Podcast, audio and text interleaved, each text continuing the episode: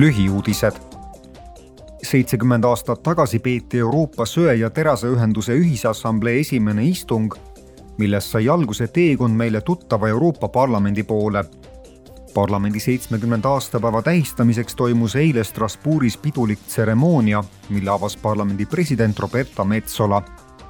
oma kõnes ütles ta järgmist. It is important that we pause on väga oluline, et leiaksime aega oma saavutuste üle järele mõelda.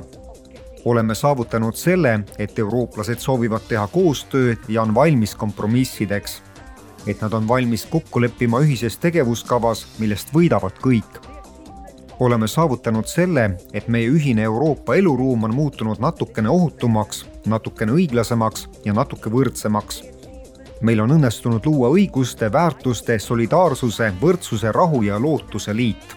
of equality, of peace, of hope.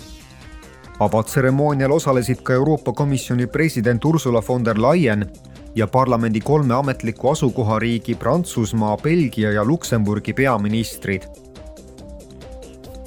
parlamendi täiskogu võttis vastu uued Euroopa Liidu õigusaktid millega kohustatakse kõiki suuri börsil noteeritud äriühinguid suurendama naiste esindatust oma juhtorganites. uute reeglite kohaselt peab kahe tuhande kahekümne kuuenda aasta juuliks vähemalt nelikümmend protsenti tegevjuhtkonda mittekuuluvate juhtorgani liikmete kohtadest ja kolmkümmend kolm protsenti kõigist tegevjuhtkonna ametikohtadest olema naiste käes.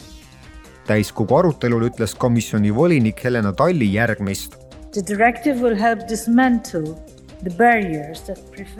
see direktiiv aitab kõrvaldada tõkked, mis takistavad kvalifitseeritud naisi karjääriredeli tippu jõudmast.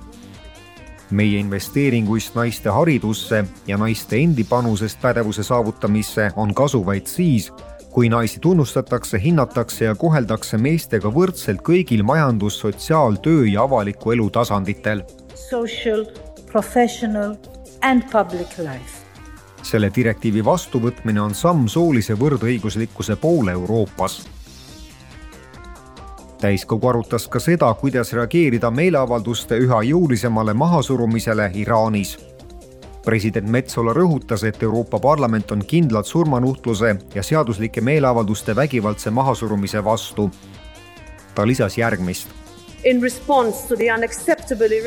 vastuseks Iraani lubamatule otsusele Euroopa Parlamendi liikmeid sanktsioneerida teatan, et Euroopa Parlamendi ning selle delegatsioonide ja komisjonide suhtlemine Iraani kolleegidega on edasise teadaandeni katkestatud.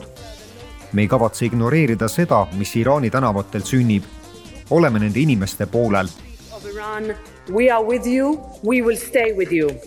meeleavaldused on Iraanis kestnud juba üle kahe kuu režiimi jõhkrate repressioonide tagajärjel on hukkunud üle kolmesaja inimese ja vähemalt viis inimest on surma mõistetud